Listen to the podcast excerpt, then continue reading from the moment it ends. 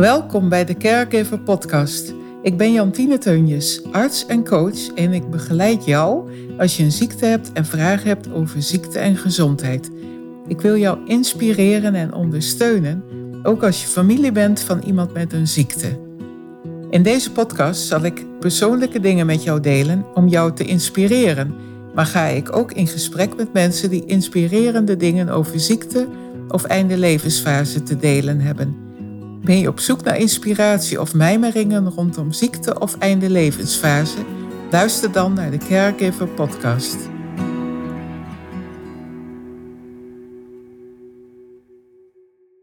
Welkom, Jacinta. Ontzettend leuk om jou hier in mijn podcast te hebben. Wij uh, hebben elkaar al in een ja, verder verleden, een aantal jaren geleden, hebben elkaar leren kennen doordat we beiden in het programma De Nieuwe Coachopleiding van Dolly Heuveling van Beek zaten. En er waren toen ook voorafgaand waren daar drie hele interessante en fijne dagen waarin we bij elkaar kwamen. En daar hebben we elkaar al gezien. En ook andere mensen natuurlijk leren kennen. Ja. Het waren hele mooie magische dagen. En daar hebben we elkaar voor het eerst gezien. Ja, dus, uh, maar ja, ik zou het heel leuk vinden als je wat over jezelf wilt uh, vertellen. Wie je bent en uh, wat je kwijt wilt over jezelf. Heel leuk. Uh, nou, allereerst bedankt voor de uitnodiging natuurlijk.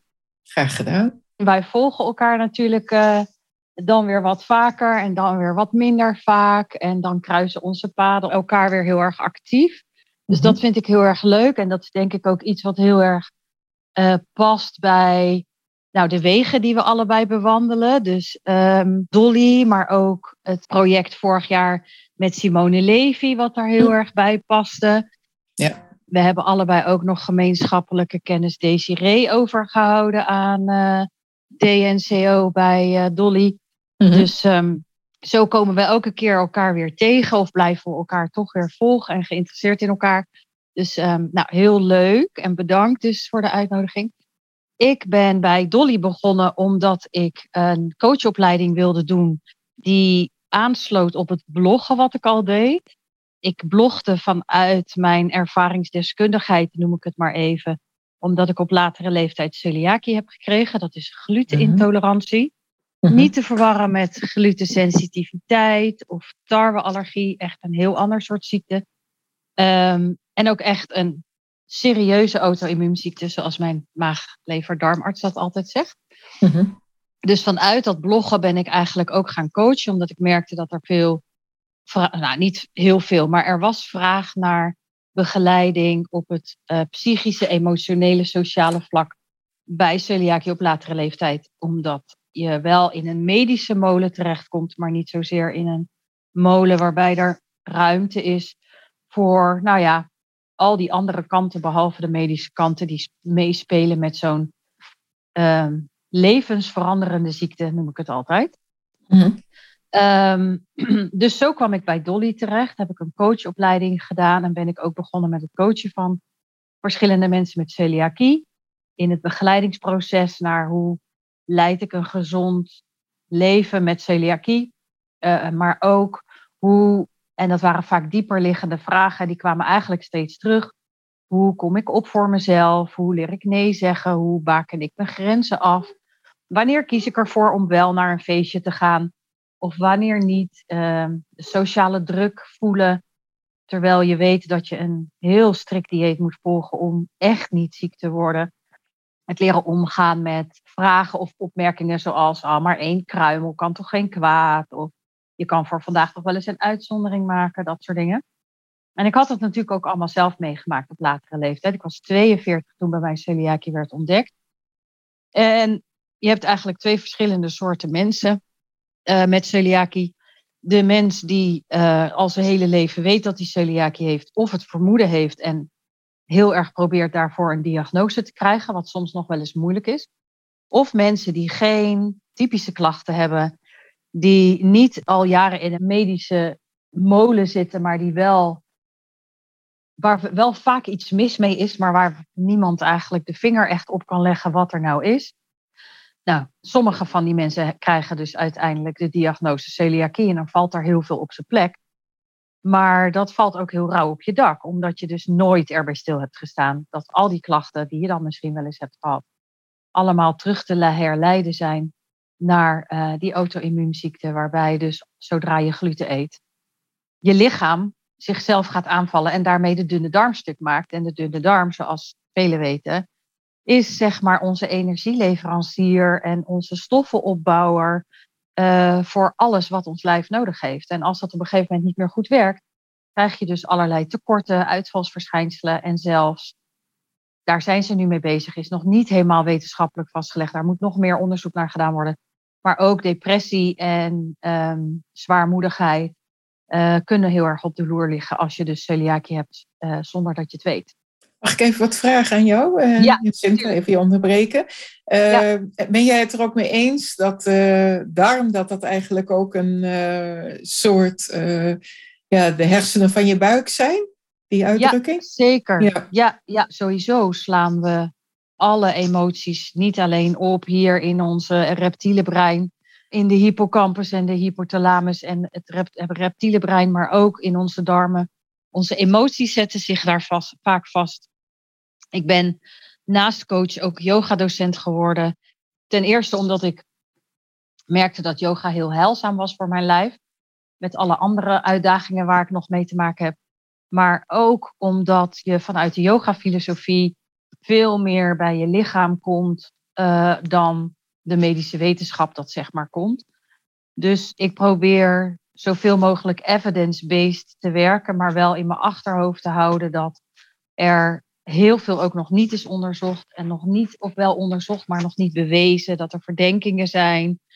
Zo heb ik bijvoorbeeld ook endometriose, een andere auto-immuunziekte die zich vooral in de baarmoeder en de vrouwelijke geslachtsorganen manifesteert. Niet per se, hoeft ook trouwens niet per se vrouwelijk te zijn. Er zijn nu ook mannen uh, waarbij dit voorkomt. Daar zitten mogelijk links tussen, tussen het hebben van celiakie en endometriose. Mhm. Dat mag ik niet hardop zeggen, want als ik dat hardop zeg, gaan er heel veel mensen in het geweer. Maar er zijn echt onderzoeken die relatie al enigszins aantonen. Mhm. Maar waarbij ook gezegd wordt, daar moet verder onderzoek naar gedaan worden. Dat is heel belangrijk. Om, om dat ook zeg maar in oogschouw te nemen dat we, ja, we weten al heel veel, maar we weten nog veel meer niet. Ja. En um, dat is ook de manier waarop ik coach en waarop ik uh, dus zeg maar alles wat ik zelf heb meegemaakt of aan de lijve ondervind, zeg maar, aan ziektes en aandoeningen en gedoe, noem ik het soms maar even, om, mm. om het kort samen te vatten, om dat allemaal, uh, om daarmee te leren omgaan. En yoga is daar bijvoorbeeld één manier van om daarmee om te gaan. Ja, ja, heel mooi. Want jij geeft ook op meerdere scholen volgens mij nu lessen. En ook zelf waarschijnlijk. Ja, ik volg zelf lessen, want een, uh, een goede yogi, zoals dat heet, volgt ook zelf lessen om zelf beter te worden en te werken aan verbetering van je lichaam, je geest, je houdingen. En ik geef les op een yogaschool, ik geef les op een sportschool, ik geef les bij een buurtcentrum. En daarnaast heb ik mijn eigen YouTube-kanaal waarop ik één keer in de zoveel tijd ook mijn yogalessen deel. Wow. En, um, dus dat is heel leuk uh, om te zien dat je vanuit verschillende invalshoeken, want yoga op de sportschool is echt anders dan yoga aan de yogaschool. Ja, snap ik. Maar toch om te zorgen dat je een zo groot mogelijk um, publiek bereikt eigenlijk. Want yoga hoeft helemaal niet suf te zijn of voor oude mensen. Er zijn heel veel mensen die denken dat yoga alleen maar voor hele flexibele, lenige mensen is. Maar dat hoeft dus helemaal niet. Nee. Yoga is natuurlijk een heel uh, mooie tool, maar jij werkt ook bijvoorbeeld met EFT. Speelt dat ook een duidelijke rol in uh, alles? Ja, uh, eh, EFT komt eigenlijk altijd wel terug in mijn coachingstrajecten. Behalve de intuïtieve coaching die ik bij Dolly heb geleerd, waarbij je eigenlijk ervan uitgaat dat er, ondanks dat er nauw omschreven oefeningen zijn die je kan doen, eigenlijk je het gesprek of de sessie of het traject openlaat en ziet wat de klant of je coachie of hoe je dat ook wil noemen, op dat moment nodig heeft. Dus je kan van tevoren wel bedenken, we gaan vandaag dit of dit of dit doen, of dit of dat bespreken, of die oefening doen. Maar als de klant iets anders nodig heeft, en dat voel je intuïtief aan door al je zintuigen open te stellen, uh, dan doe je iets anders. En de EFT, dus Emotional Freedom Techniek, oftewel tapping, is daar een hele mooie aanvulling op, omdat het een hele mooie, simpele manier is om te leren omgaan met je emoties, als die je op een bepaald moment in de weg zitten. En ja, dat is nu, ik denk bij negen van de tien trajecten die, die mensen bij mij doen, komt dat terug. En vertel er eens wat meer over Jacinta, want ik kan me voorstellen dat er nu mensen luisteren die er misschien niet zoveel van af weten. Hoe, hoe pas je dat toe? EFT, oftewel Emotional Freedom Techniek, is enigszins gelinkt aan de therapievorm EMDR. EMDR wordt bijvoorbeeld toegepast bij eh, PTSS, heftige trauma's. En EMDR e wordt toegepast door daarvoor opgeleide therapeuten, psychologen, etc. Gedragstherapeuten. EFT e is wat laagdrempeliger, maar niet minder effectief of efficiënt. Mag je eigenlijk ook als leek gewoon toepassen. Als ik het jou leer, kun jij het weer iemand anders leren. Ja. En in Amerika is het dus beter bekend als tapping. Daar wordt het ook vaker ingezet. En is het ook een heel laagdrempelig iets om in te zetten. Uh, er zijn ook allemaal socials van bijvoorbeeld uh, Tap with Brad. Die meneer die doet elke dag wel een filmpje over iets waarop je kan tappen, welke emotie dan ook. Soms zeggen mensen wel eens van ja, maar je hoeft toch niet alles weg te tappen. Dat is ook zo. Van mij hoef je niet te tappen als jij je veilig voelt bij je emotie. Dan hoef je die niet weg te tappen. Het gaat er echt om dat je leert dat een emotie of een angst, vooral of een trauma, je niet in de weg hoeft te zitten op het moment dat je in een situatie belandt waarin je dat dus niet kan gebruiken. EFT is een, dus een manier waarbij je je reptiele brein uh, als het ware om de tuin leidt. Dat reptiele brein heeft ons gebracht waar we nu zijn, hè, in deze jaartelling, in deze eeuw. Maar ons reptiele brein is eigenlijk niet heel erg met ons mee geëvolueerd. En um, staat eigenlijk nog steeds in een soort grottenstand. Um, waarbij we moeten vechten of vluchten als er een bison komt of als er wat voor fysiek gevaar er ook dreigt. Wij hebben vaak niet meer te maken met zulke fysieke dreiging. Dat kan natuurlijk wel, hè? maar uh, we hebben ook heel veel stress door psychische uh, druk. En tapping kan daar heel goed bij helpen om die stress te leren los te laten, omdat ons reptiele brein eigenlijk gelijk in die fight, flight of free stand gaat bij welke emotie, trauma of situatie zich dan ook voordoet, omdat het reptiele brein nu eenmaal zo geprogrammeerd is en probeer je dat dus met tapping of EFT, probeer je de beelden die je hebt opgeslagen, dus in dat lijf, in je hoofd, in je, maar ook in je lichaam, uh, hè, waar we het net over hadden, je darmen zijn een tweede hersenen. Die emoties die daar liggen opgeslagen, met het tapping wat je dus eigenlijk doet, probeer je die opgeslagen beelden, die opgeslagen gevoelens, een soort van los te brokkelen, af te brokkelen, waardoor je met nieuwe ogen of een verse blik kunt kijken naar die emotie. Waarbij je dus ook wel moet beseffen dat je dus de emotie wel volledig toelaat. Het is niet zo dat je de emotie wegstopt of wegdrukt. Nee, je doorvoelt hem helemaal, juist om hem door deze methode. Maar in dezelfde tijd reset je ook dus je reptiele brein. Dus het is eigenlijk een soort um, dubbel mechanisme wat er werkt met EFT. En het tappen is dus het feitelijk aanraken van bepaalde punten op je lichaam in een bepaalde volgorde. En die punten zijn weer verbonden met meridianen in ons lichaam. En die meridianen zijn weer verbonden met onze organen en met ons uh, uitlopers van ons zenuwstelsel. En zo is het eigenlijk in een notendop, want je kan er nog veel meer over vertellen, uh, uitgelegd wat uh, eh, EFT is ik vind het mega interessant. Dus uh, ja, ik heb het zelf natuurlijk ook toegepast. En wil het weer wat meer gaan toepassen. Want uh, weet je, ik heb diverse tools. En uh, dan merk je opeens weer, oh, die EFT die wil ik toch weer wat meer uit de kast gaan halen. Want ja. het doet ja. zoveel. Het is ook echt, het ruimt ook echt op, heb ik het gevoel. Ja, ja, ik omschrijf het zelf altijd heel kort als um, je, uh, ik weet niet of dat nog steeds zo is. Ik ben niet zo'n enorme IT, ICT-achtige uh, iemand. Maar je kon vroeger je computer defragmenteren, weet je wel? Dan zag je al die blokjes zo opschuiven en al die holle ruimtes, die werden dan opgeruimd. En dat is dus eigenlijk wat je met EFT ook doet. Alles wat niet meer dient, laat je los, gaat van je harde schijf af. Uh, en je ruimt als het ware je emoties op. Waarbij nogmaals, hè, um, niet gezegd is dat je die emoties niet mag voelen, want je voelt ze juist door de tapping. Alleen leer je ze in de volgende stap dus los te laten en er oké mee te zijn dat die emoties er soms zijn. Want het leven zonder emoties is er niet en zou ook heel saai zijn. Ja, zonder meer. Ja, ja heel mooi. Ja, daar ben ik ook heel erg benieuwd naar. Ten eerste ben ik heel erg benieuwd hoe jij je eigen ja, gedoe, noem ik het dan maar even, zoals jij het ook noemt, hè? je eigen gedoe ervaart en hoe je dat, wat voor plek je dat ook geeft in je leven. Daar ben ik heel benieuwd naar. En ten tweede ben ik ook heel erg benieuwd hoe je die tools dan ook uh, kunt inzetten. En wat voor tools je met name dan gebruikt voor jezelf. Hè? Ik bedoel, wat je dan voor anderen uiteindelijk doet, dat vind ik ook interessant, maar daar komen we zo wel op. Ja, nou, uh, dat is eigenlijk heel erg met elkaar verweven. Want ik denk dat uh, zo op de manier waarop ik coach, dus als op intuïtief, en dat heb ik ook echt heel erg meegekregen van en zowel Dolly als Simone Levy, is dat als je gaat coachen of ondernemen, hè, in welke vorm dan ook, dat je dat doet vanuit een bepaalde waarom. En die waarom, die slaat niet op de ander, maar altijd op jouzelf. Uh, de basis komt uit jezelf.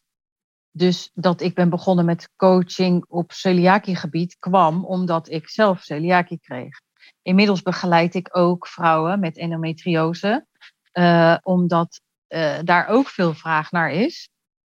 En je coachingspad loopt eigenlijk gelijk. Ik spreek heel erg voor mezelf, maar ik ga er eigenlijk min of meer van uit dat mensen die op hetzelfde vlak werken dat ook zo voelen. Dat dus je eigen pad synchroon loopt aan dat coachingspad. De reis die anderen lopen en waar jij dus tijdelijk met mee mag lopen om ze te begeleiden. Dat stukje pad heb je ofwel net zelf gehad, of um, uh, heb je zelf ook nog te bewandelen. En zo leer je dus eigenlijk aldoende. En stel ik me elke keer ook weer, er is eigenlijk niets wat ik niet kan coachen. Want de mensen die bij mij komen, die komen bij mij voor wat ik uitdraag en wat ik heb meegemaakt. Daar ben ik ook heel open in altijd. Mensen weten via mijn socials dat ik celiakie heb, endometriose en ook LS. Daar wil ik zo nog wel heel even kort iets over uitleggen. Ik denk um, dat ehm, mensen niet meteen weten wat, wat het nee, is, dus, maar daar kom je zo nee, terug. Ja. Dat, dat leg ik dan zo ja. wel even uit, want dat is weer een verhaal apart eigenlijk. Mm. Al die stapjes, dragen allemaal bij aan het grotere geheel van wie en wat ik kan coachen. En elke keer als ik denk bij een klant, hoe ga ik dit doen? Hoe pak ik het aan?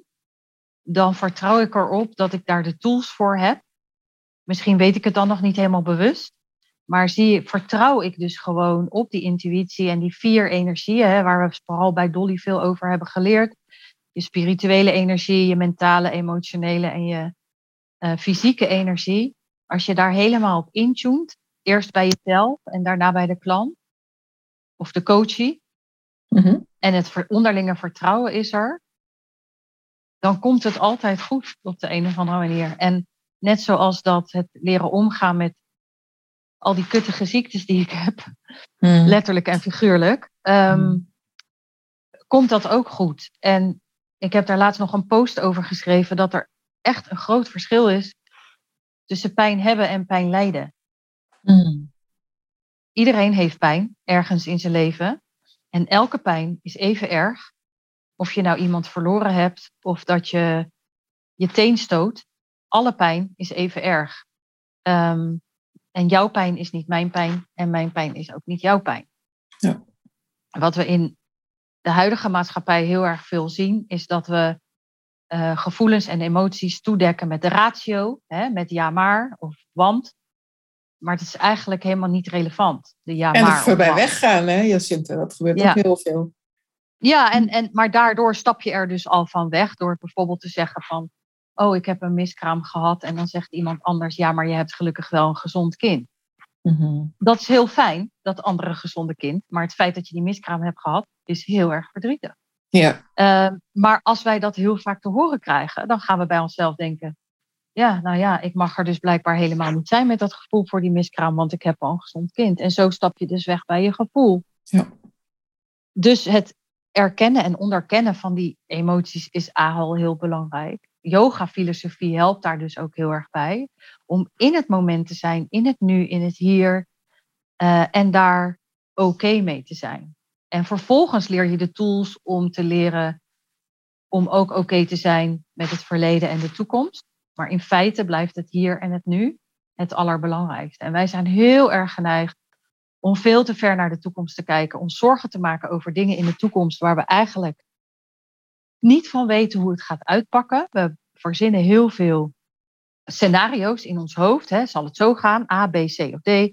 9 van de 10 keer wordt het E. Hebben we ons daar niet op ingesteld. En al die energie die we in het bedenken van A, B, C of D hebben gestoken, is eigenlijk verspilde energie. Ja. En dat is gewoon super zonde. Ja. Dus um, hier kwam ik op door dus he, al die kutte ziektes, om het nog ja. maar even rottig te benoemen.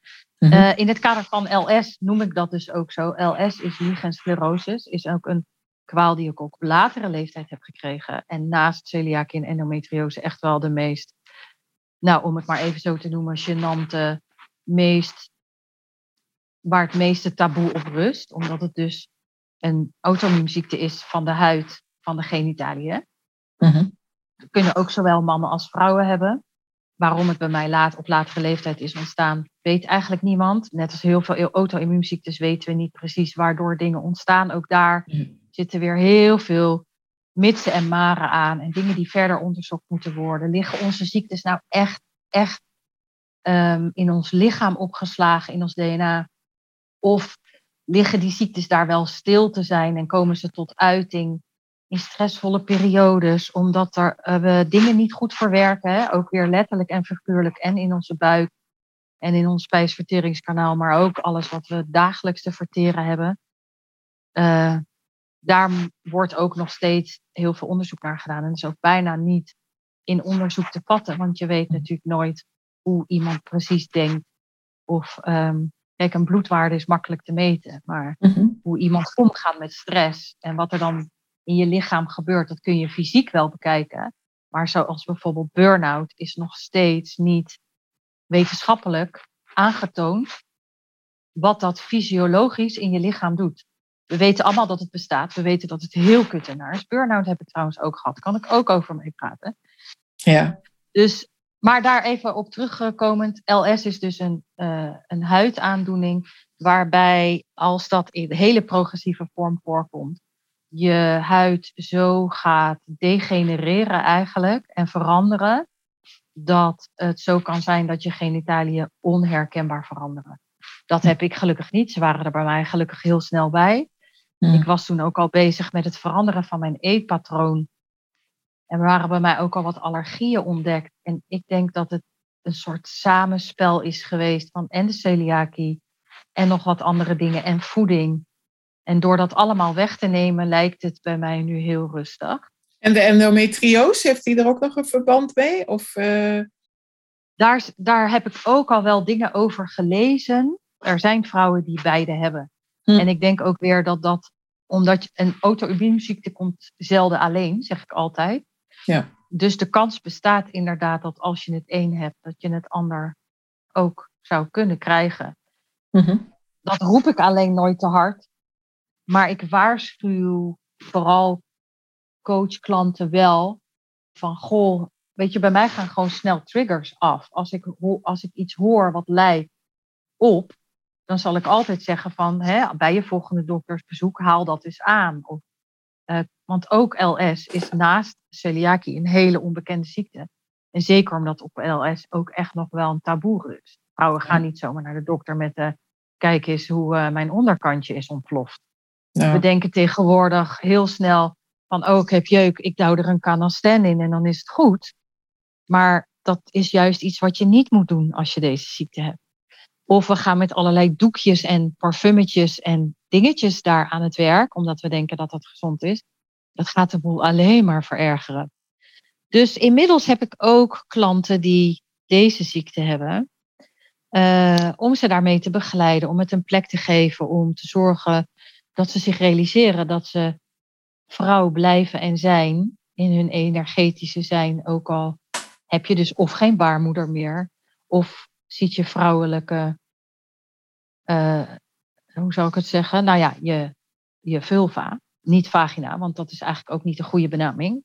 Mm Ook al ziet dat er niet meer uit zoals, je, zoals het eruit zag toen je geboren was. Laat ik het mm -hmm. zo maar noemen. Ja, ja energetisch en, is nog aanwezig natuurlijk. Ja, ja, ja. en dat vond ik ook toen bij mij bij de endometriose de, de, mijn baarmoeder werd verwijderd. Dat iemand, ik had daar zelf ook helemaal geen emotionele problemen mee. Ik was er zo ziek van geweest. Ik dacht, het is goed dat ze gaat. Het kamertje heeft zijn werk gedaan. En toen zei iemand ook tegen mij, energetisch blijft je baarmoeder gewoon altijd een deel van jou. En het heeft dus ook nooit gevoeld alsof daar een gat heeft gezeten. Of dat daar een gat is geslagen. Of dat mijn lichaam niet meer compleet is. Nee, er is een ziek deel weggehaald wat zijn werk heeft gedaan. Uh, en uh, 35 jaar lang. En uh, het is goed zo. En dat het is goed zo, dat probeer ik vooral ook te leren aan hoe klanten dat kunnen ervaren, zeg maar. Door, nou in ieder geval, dus de emoties die het oproept te erkennen, op te laten komen. Ze ook echt fysiek te voelen in je fysieke lijf. Wat doet het met je? Wat vraagt dat gevoel? Wat, hoe ruikt, ziet, voelt, proeft dat gevoel? Is er iets wat, jou, wat het gevoel jou wil zeggen? Mm-hmm. Um, als je er op dat moment niet zo goed de tijd of de ruimte voor hebt, dat je leert dat je er altijd naar terug kunt keren, ook al is dat misschien eng of spannend of wil je het gevoel liever niet oproepen. Maar door ademhalingsoefeningen en yoga gerelateerde meditatieve oefeningen kun je dat op een veilige manier voor jezelf doen. Wat ik nog even wil zeggen, uh, dat vind ik bij jou ook heel boeiend om te zien dat jij ook um, ja, kwetsbaar durft te zijn in wat jij hebt. En dat je dat ook durft te delen met ja, de media, zou ik maar zeggen. Waardoor je ook deze klanten natuurlijk kunt aantrekken. op het moment dat jij uh, daar niet voor uitkomt, zou ik maar zeggen, hè, dan weten mensen je ook ja, nee. misschien te vinden. Of, of wordt het anders, de aantrekking, ja. denk ik. Ja, ik, dat, is, dat is voor mij ook niet echt een levensles of zo. Dat is gewoon hoe ik ben en hoe ik in het leven sta en hoe ik altijd in het leven heb gestaan. En ik denk ook dat heel veel mensen dat juist niet hebben, dat ze bang zijn om zichzelf te laten zien. Uh, de Linda heeft een tijdje geleden een supermooi artikel gewijd aan vrouwen met LS. Mm. Met vrouwen die mooi gefotografeerd zijn, die hun verhaal kwijt konden, om er meer openheid aan te geven. En soms komt LS ook pas aan het licht voor, tijdens of na de overgang, omdat dan natuurlijk je hormonale huishouding gaat veranderen. En het een het ander eventueel is ook niet wetenschappelijk bewezen in gang kan zetten. Um, weet je wat ook nog het enge is aan LS? Dat weet ik dan weer vanuit mijn medische opleiding. Dat ook kan ontaarden uiteindelijk in iets kwaadaardigs. Hè? Als je niet ja, op tijd dat erbij klopt. bent. Ja, ja je, het kan zich uh, ontwikkelen tot vulvakanker. Ja. En hetzelfde geldt ook voor celiakie. Dat wordt wel nu weer tegengesproken door bepaalde medische onderzoeken of wetenschappelijke onderzoeken. Maar um, celiakie en darmkanker worden ook wel eens in onderzoeken samen genoemd. Dus dat is, het is gewoon heel belangrijk dat er podia zijn om dit te delen en dat vrouwen niet bang hoeven te zijn dat ze er misschien niet uitzien zoals de vrouwen op plaatjes en zoals de gefotoshopte Instagram-influencers en noem maar op. Er, is, er zijn gelukkig steeds meer vrouwen die van alles delen over hun lichamelijke wel en wee, over endometriose. Zijn gelukkig heel veel Instagrammers en influencers open. Er zijn gelukkig ook steeds meer vrouwen met LS die open zijn over uh, wat, die, wat dat met je doet, wat dat, hoe het je verandert, uh, hoe het. Um, maar dat, dat ehm, uiteindelijk, als je dat dus leert zien, er ook nog heel veel wel kan en mogelijk is. Want we zijn heel erg geneigd om te kijken naar wat er niet meer kan, wat er verandert, wat er anders wordt, wat er weggaat. En dat mag ook, dat is goed, dat is rouw, dat is verlies. Dat heeft te maken met loslaten en acceptatie. En ehm, daarna komt de fase, maar dan moet je dat wel goed, dus goed, moet je die stappen wel goed kunnen doorlopen om daarna te zien wat er nog wel kan. Het wordt eerst donker voordat het licht wordt. Ja. Mhm. Kun je daar ook heel goed mee zijn, voor jezelf, zou ik maar zeggen.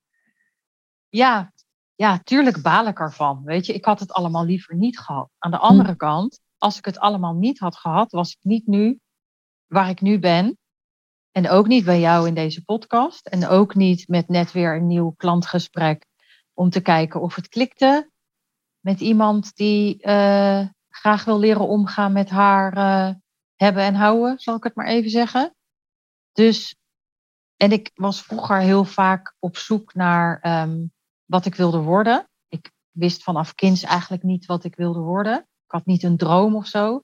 Dus ik heb heel veel verschillende dingen gedaan. Ik heb toen iedereen ging studeren niet gestudeerd. Ik ben gewoon maar wat gaan werken. Uiteindelijk werd ik stewardess. Hartstikke leuk.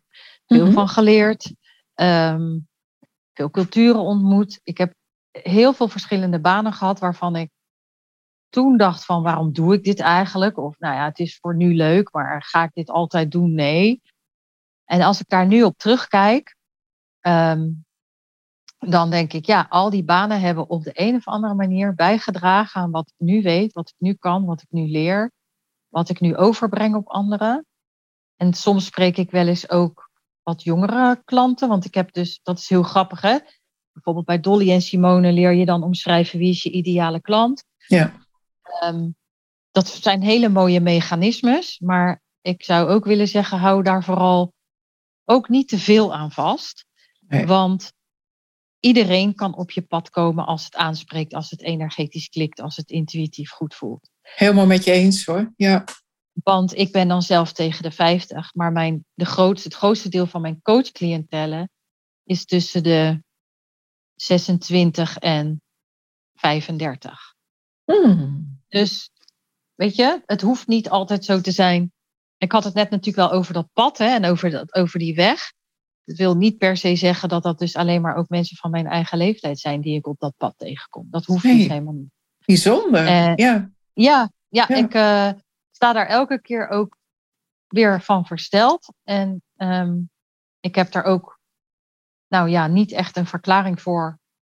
Behalve, althans, nou, niet een, hoe zeg je dat, harde verklaring voor. Het is meer zo van, energetisch en intuïtief klopt het. Die mensen die mij hebben te vinden, die vinden mij. Dus dat is een tip voor ondernemers die misschien meeluisteren. Mm die coachingstrajecten voor beginnende coaches, dat is echt heel waardevol. Ik kan niet anders zeggen, zonder Dolly was ik ook zeker nu niet waar ik nu ben. Zonder Simone was ik ook niet waar ik nu ben. Maar blijf bij jezelf en volg je eigen pad. Ja. En soms kan je daar wel eens van afwijken en denken, oh, ik ga het misschien eens zo pak, aanpakken, ik ga het zo aanpakken. Uh, misschien werken dingen minder goed of uh, juist heel goed, wat je dan ineens niet verwacht.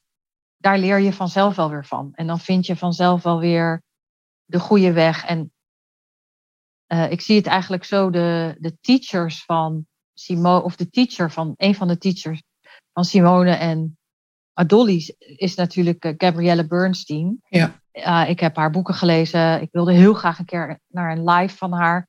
Uh, toen kwam corona en toen ging dat allemaal niet door. Ja, ja. ja, heel jammer. Maar dat gaat ooit nog eens komen, denk ik. Maar zij schrijft, ja, zij schrijft ook ergens in een van haar boeken: obstakels bestaan niet. Het zijn gewoon omwegen naar je hogere doel. En ik weet echt wel hoe dat. Het hoeft niet allemaal van een leien dakje te gaan. Uh, ik ben begonnen met mijn, echt met mijn coachingsbedrijf. Ik was er al een tijdje mee begonnen, maar midden in de lockdown heb ik mijn betaalde baan opgezegd. Dus ik heb echt wel heel veel stress ervan gehad. Wat was op dat moment jouw betaalde baan, als ik vragen mag? Ik was uh, op dat moment uh, kwaliteitszorgmedewerker en uh, secretarieel ondersteuner op een ROC hmm. hier in de regio. Mhm. Dus ook dat was weer. Naast het coaching was het heel anders. Want mijn coaching was puur intuïtief, energetisch. En dat werk was processen, protocollen en vaste lijnen. Ja, En ik ben, dat is heel leuk en heel fijn om je aan te kunnen vasthouden. Maar ik zou daar nooit meer naartoe terug kunnen. Hmm. Niet meer. Nee. Mhm. Ja, Maar ja, de weg is niet eh, makkelijk. Dat hoeft ook niet altijd. Maar laat je daar dus ook niet door uit het veld slaan. Door coaches die misschien doen alsof het heel makkelijk is om snel veel geld te verdienen als coach. En dat er voor iedereen plek is. Ongetwijfeld is er voor jou plek als je denkt dat je iets te bieden hebt waar iemand op zit te wachten. Maar of en wanneer het zich aandient, dat is ook een beetje aan het universum. En, of je, en je kan het ook op je, over jezelf afroepen. Manifesteren is ook iets wat ik heel veel probeer en doe ook, omdat eh, Gabrielle Bernstein dat eh, ook in haar boeken beschrijft. Maar ehm, er valt niks af te dwingen. nee. Het komt als het komt. En komt het niet, dan verzin je weer wat anders. Dus als iets het mij geleerd heeft, van het ondernemen, maar ook van al die ziektes die ik heb, nou, al die ziektes, eh, de dingen die ik heb, is het om door te gaan nadat je erbij stil hebt gestaan, om weer op een flexibele manier een andere weg te bewandelen. Ja, dat getuigt ook wel van enorme veerkracht als ik dat zo hoor. Ja, ik eh, kreeg toen eh, op een van die bijeenkomsten bij Dolly lagen er kaartjes op de stoelen. Dat was bij een eenmalige evenement van Dolly een keer. Mhm. En toen lagen er kaartjes op de stoelen en daar stond op de achterkant eh, Dolly live. Of, en, dus, en iedereen dacht eigenlijk dat hij dezelfde kaart had. Ah, Maar toen ja. zei ze, nu mag iedereen zijn kaart omdraaien.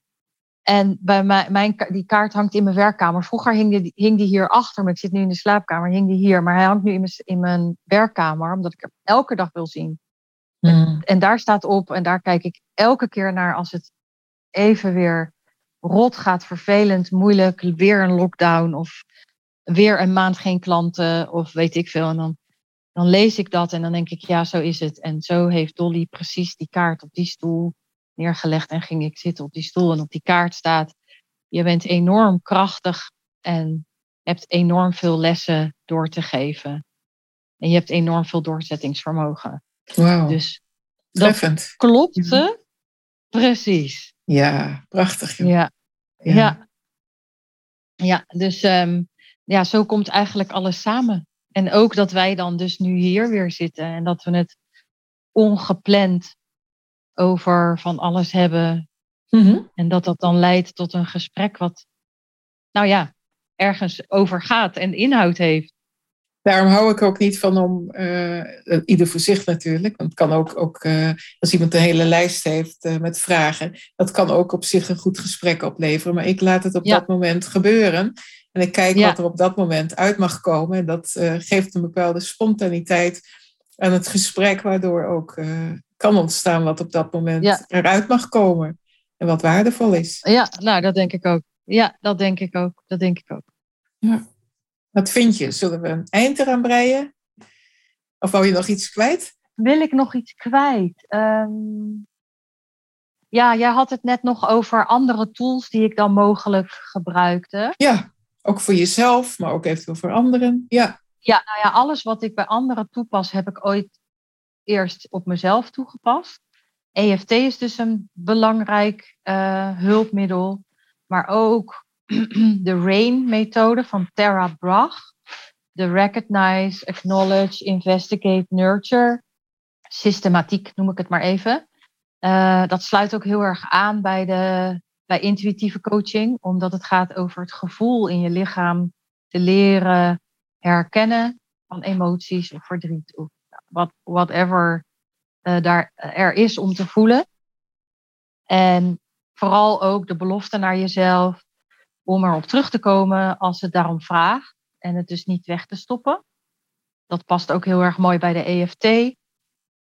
En maar het mooie aan die eh, methodiek vind ik de investigate. En dat is dat als er dus iets opkomt, eh, dat je dat dus ergens voelt of kunt voelen of leert voelen. En niet iedereen kan dat meteen. Daar heb je misschien wat meer sessies voor nodig. Maar dat je dus gaat onderzoeken wat dat gevoel, het feit dat het gevoel er is, is één. Maar wat wil dat gevoel jou duidelijk maken? Wat heeft dat gevoel jou te vertellen? Wat heeft dat gevoel nodig?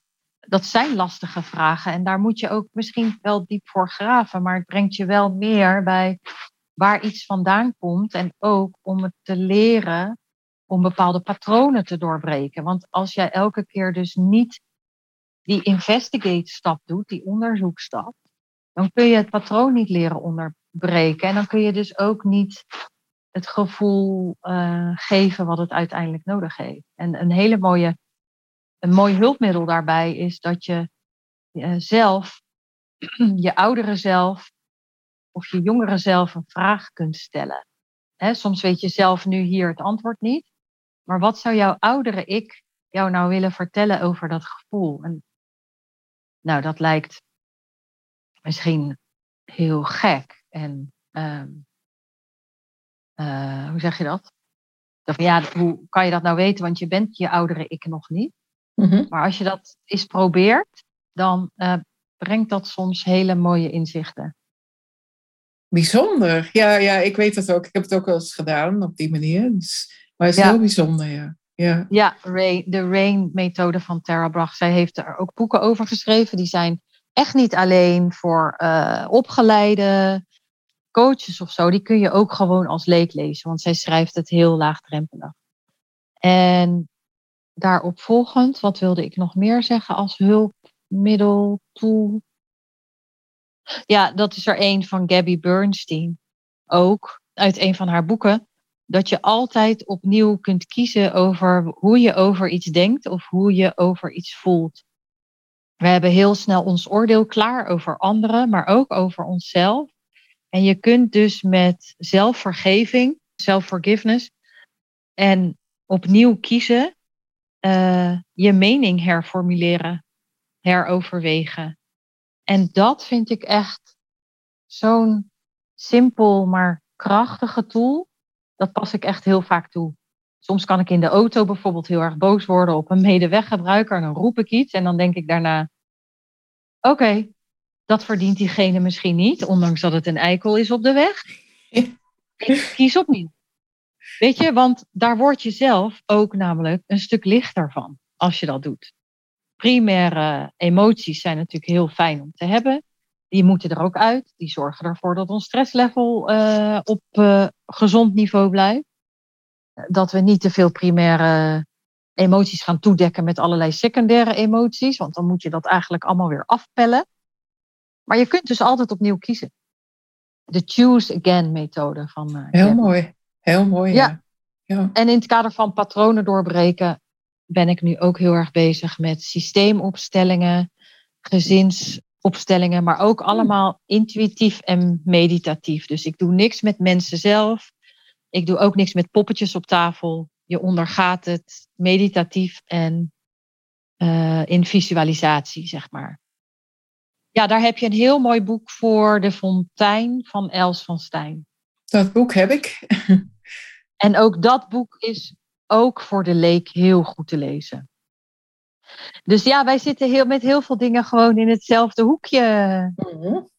Dat is gewoon ook heel grappig om te zien uh, dat we hem toch in die Dolly Tribe, dezelfde mensen, dezelfde soort boeken, dezelfde interesses. Dat, dat vind ik heel mooi. En ik denk dat dat ik hoop dat Dolly, maar ook Simone en ook Gabrielle zich dat beseffen dat ze zo'n doorwerking hebben.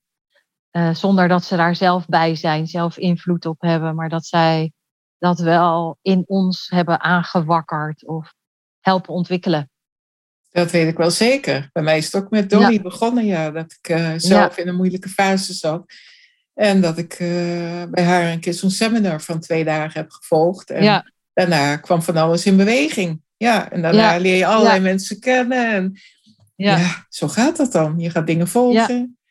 Ja, leuk. Echt heel leuk. Mm Mooie reis. Heel mooi, ja. Ja. Nou, dat was het denk ik wel. Dan uh, wil ik jou heel hartelijk bedanken. En ik wou ook nog uh, vragen of jij nog ja, kenbaar wilt maken waar mensen jou kunnen vinden. Ja, natuurlijk kan dat. Het simpelste is gewoon www.jacintapex.nl. Mm Jacinta is Y-A-C-I-N-T-H-A. Pex schrijf je P-E-X. Als je Jacinta intypt, hopelijk vind je mij dan al snel. Uh, ik heb een, uh, een Google-account en dus een website. En via die website kom je ook op mijn socials. Maar ik zit ook op Instagram, ik zit op LinkedIn. En op Facebook heb ik en een profiel en een uh, pagina. allemaal onder dezelfde naam. En dan heb ik ook nog op Instagram een speciale yoga pagina. Die heet Yoga Vinyasi. Afgeleid van Vinyasa, de yoga vorm. En dan heb ik ook nog op Soundcloud een account met uh, meditatieve oefeningen en ook podcasts. En op Anchor FM. En Anchor FM is ook weer gelinkt aan Spotify bijvoorbeeld. Maar via jacintapex.nl kom je eigenlijk overal. Mooi. Super. Ja. Ik zal jouw uh, site dan ook even vermelden, uh, want dan vinden ze jou ook wel verder. Hè? Ja, oh, en YouTube natuurlijk. Uh, ja. YouTube heb ik, heb ik verschillende video's over voeding, gezonde leefstijl, maar vooral ook over yoga. Je hebt je eigen YouTube-kanaal, hè? Dat hoorde ik je al eerder zeggen. Ja, ja. mooi. ook. mooi. Ja, daar vind je verschillende yoga-oefeningen. Ook bijvoorbeeld yoga nidra ter ontspanning. Uh, de slaapyoga heet het, zeg maar.